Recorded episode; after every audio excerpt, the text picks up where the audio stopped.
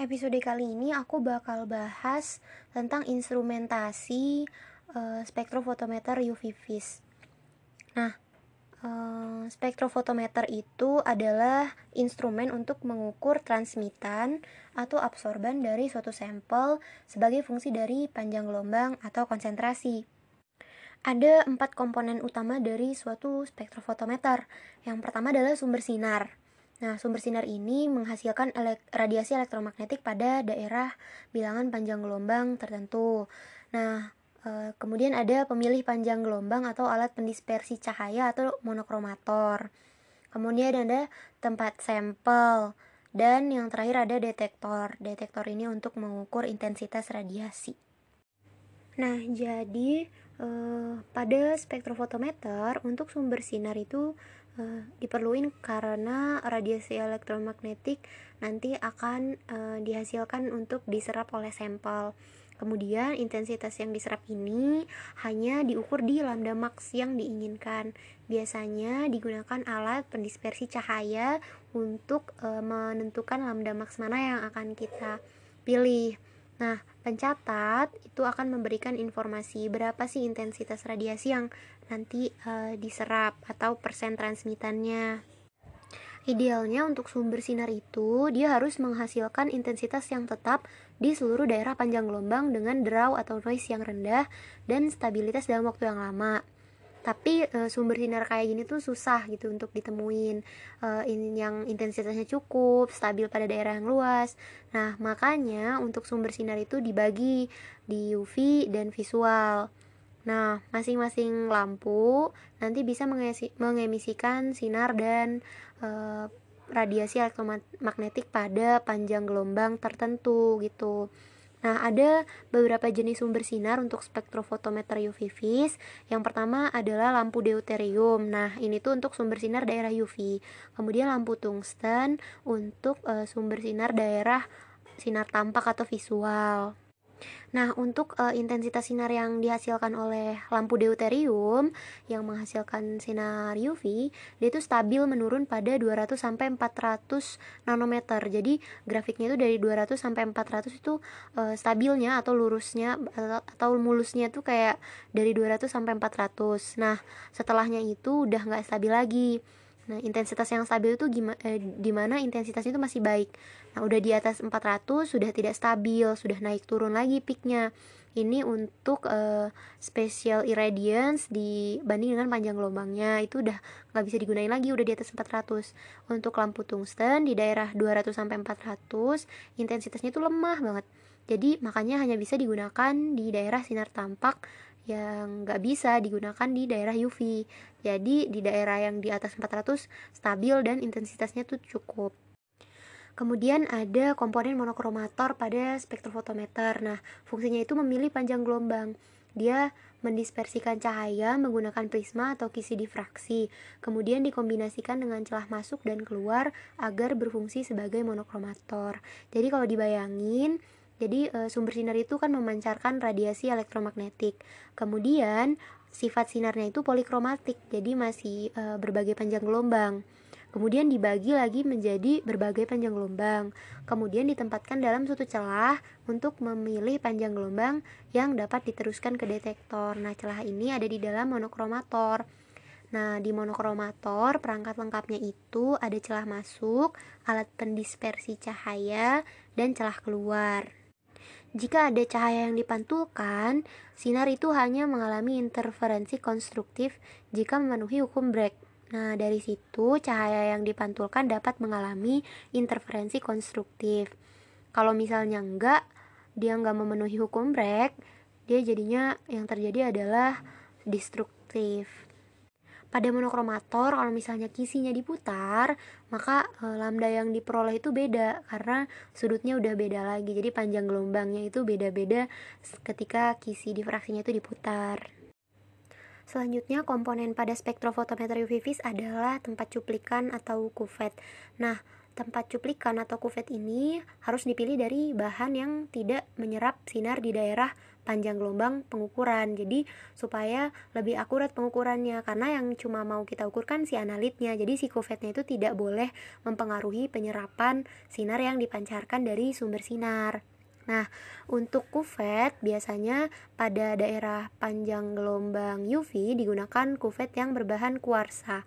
Untuk daerah sinar tampak bisa digunakan uh, kuvet yang berbahan plastik atau gelas gitu.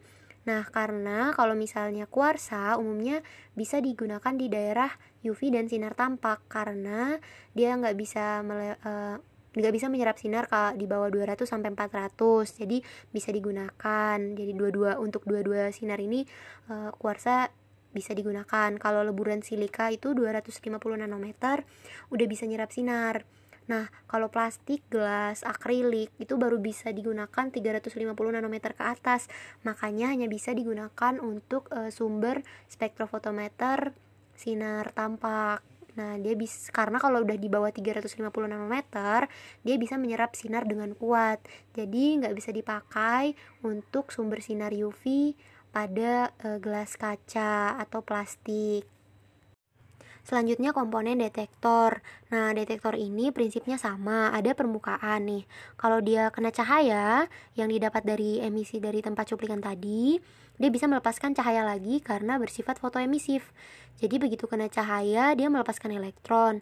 Elektron yang dilepas mengalir dan menghasilkan arus listrik yang memiliki perbedaan tegangan. Nah, perbedaan tegangan yang dihasilkan dari elektron yang dilepas ini bisa diukur. Nah, ada dua jenis detektor ya, ada yang memiliki phototube, ada yang photomultiplier tube.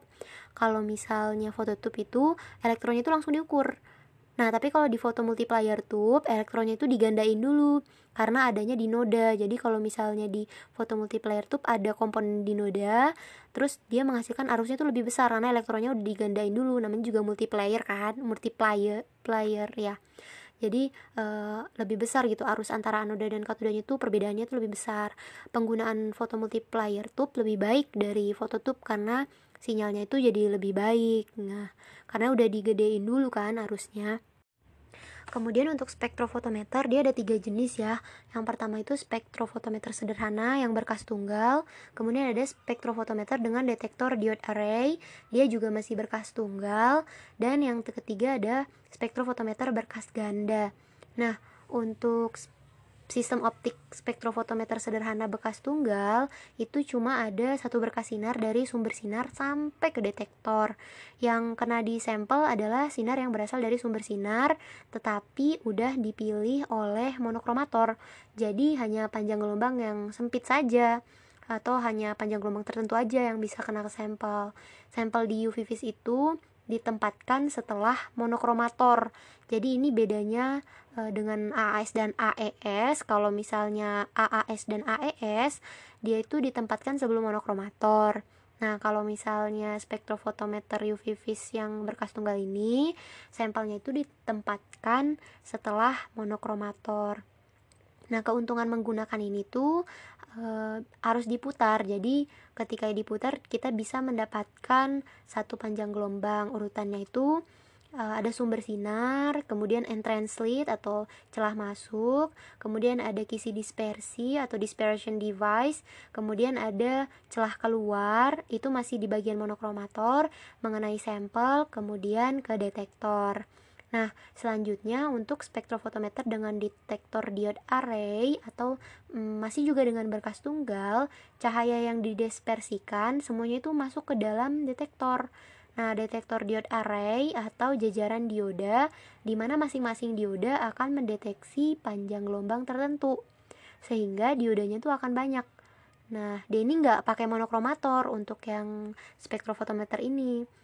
Nah, prisma dan atau kisi difraksinya itu diletakkan setelah sampel. Kalau dibandingkan dengan sebelumnya, maka harus dipilih satu-satu alat pendispersi yang diputar sehingga hanya lambda tertentu aja yang bisa keluar. Dia itu butuh waktu lebih lama untuk membuat spektrum serapan. Sedangkan kalau misalnya diode array dia tidak perlu karena masing-masing sinar yang keluar dari alat pendispersi langsung diterima oleh jajaran dioda atau diode arraynya sehingga untuk membuat spektrum serapan hanya membutuhkan waktu sekian detik. Nah, ini tuh banyak digunakan untuk mengamati kinetika reaksi karena bisa memberikan sinyal dalam hitungan detik dia bisa mengikuti laju reaksi atau mempelajari kinetika dari suatu reaksi. Jadi urutan untuk spektrofotometer dengan detektor diode array adalah ada sumber sinar, terus dia mengenai sampel dulu. Ini tadi bedanya yang sama monokromator. Kemudian ada alat polikromator. Jadi dia masuk ke celah masuk dalam polikromator, kemudian mendispersikan cahaya dari kisi dis kisi dispersi, kemudian masuk ke diode array atau jajaran dioda. Terus e, spektrofotometer yang ketiga yaitu sistem optik spektrofotometer berkas ganda. Nah, dia ini memiliki dua berkas sinar, yaitu yang melewati sampel dan yang melewati reference atau blanko. Jadi sama-sama menggunakan monokromator, tapi ada choppernya juga. Nah, chopper ini mirip dengan yang di AAS akan membagi sinar, sehingga berkas sinar yang melalui blanko atau sampel masuk ke detektor. Pengukurannya tentu dilakuin gantian. Jadi chopper bekerja dengan putaran kecepatan yang tinggi. Nah, sampel dan reference atau blanko ini seakan-akan itu bisa diukur samaan gitu, bersamaan. Nah, pengukuran dengan berkas ganda ini lebih akurat karena tiap blankonya diukur e, barengan dengan sampelnya. Sedangkan pada berkas tunggal diukurnya gantian. Jadi reference dulu atau belangko dulu terus dikeluarkan. Lalu sampel kemudian belangko lagi dan begitu seterusnya. Nah, kuvet yang digunakan juga e, harus satu pasang sehingga penyerapannya sama. Itu untuk yang yang berkas tunggal sebelumnya.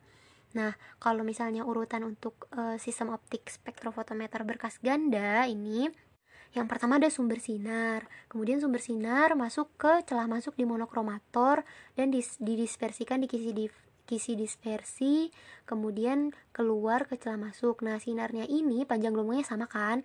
Nanti ada chopper nih. Nah, chopper ini yang memisahkan pantulan e, sinar yang panjang gelombangnya udah satu itu ke reference atau blanko dan ke sampel, kemudian nanti dipantulkan lagi ke detektor. Nah, mungkin itu aja uh, tentang instrumentasi spektrofotometer UV vis.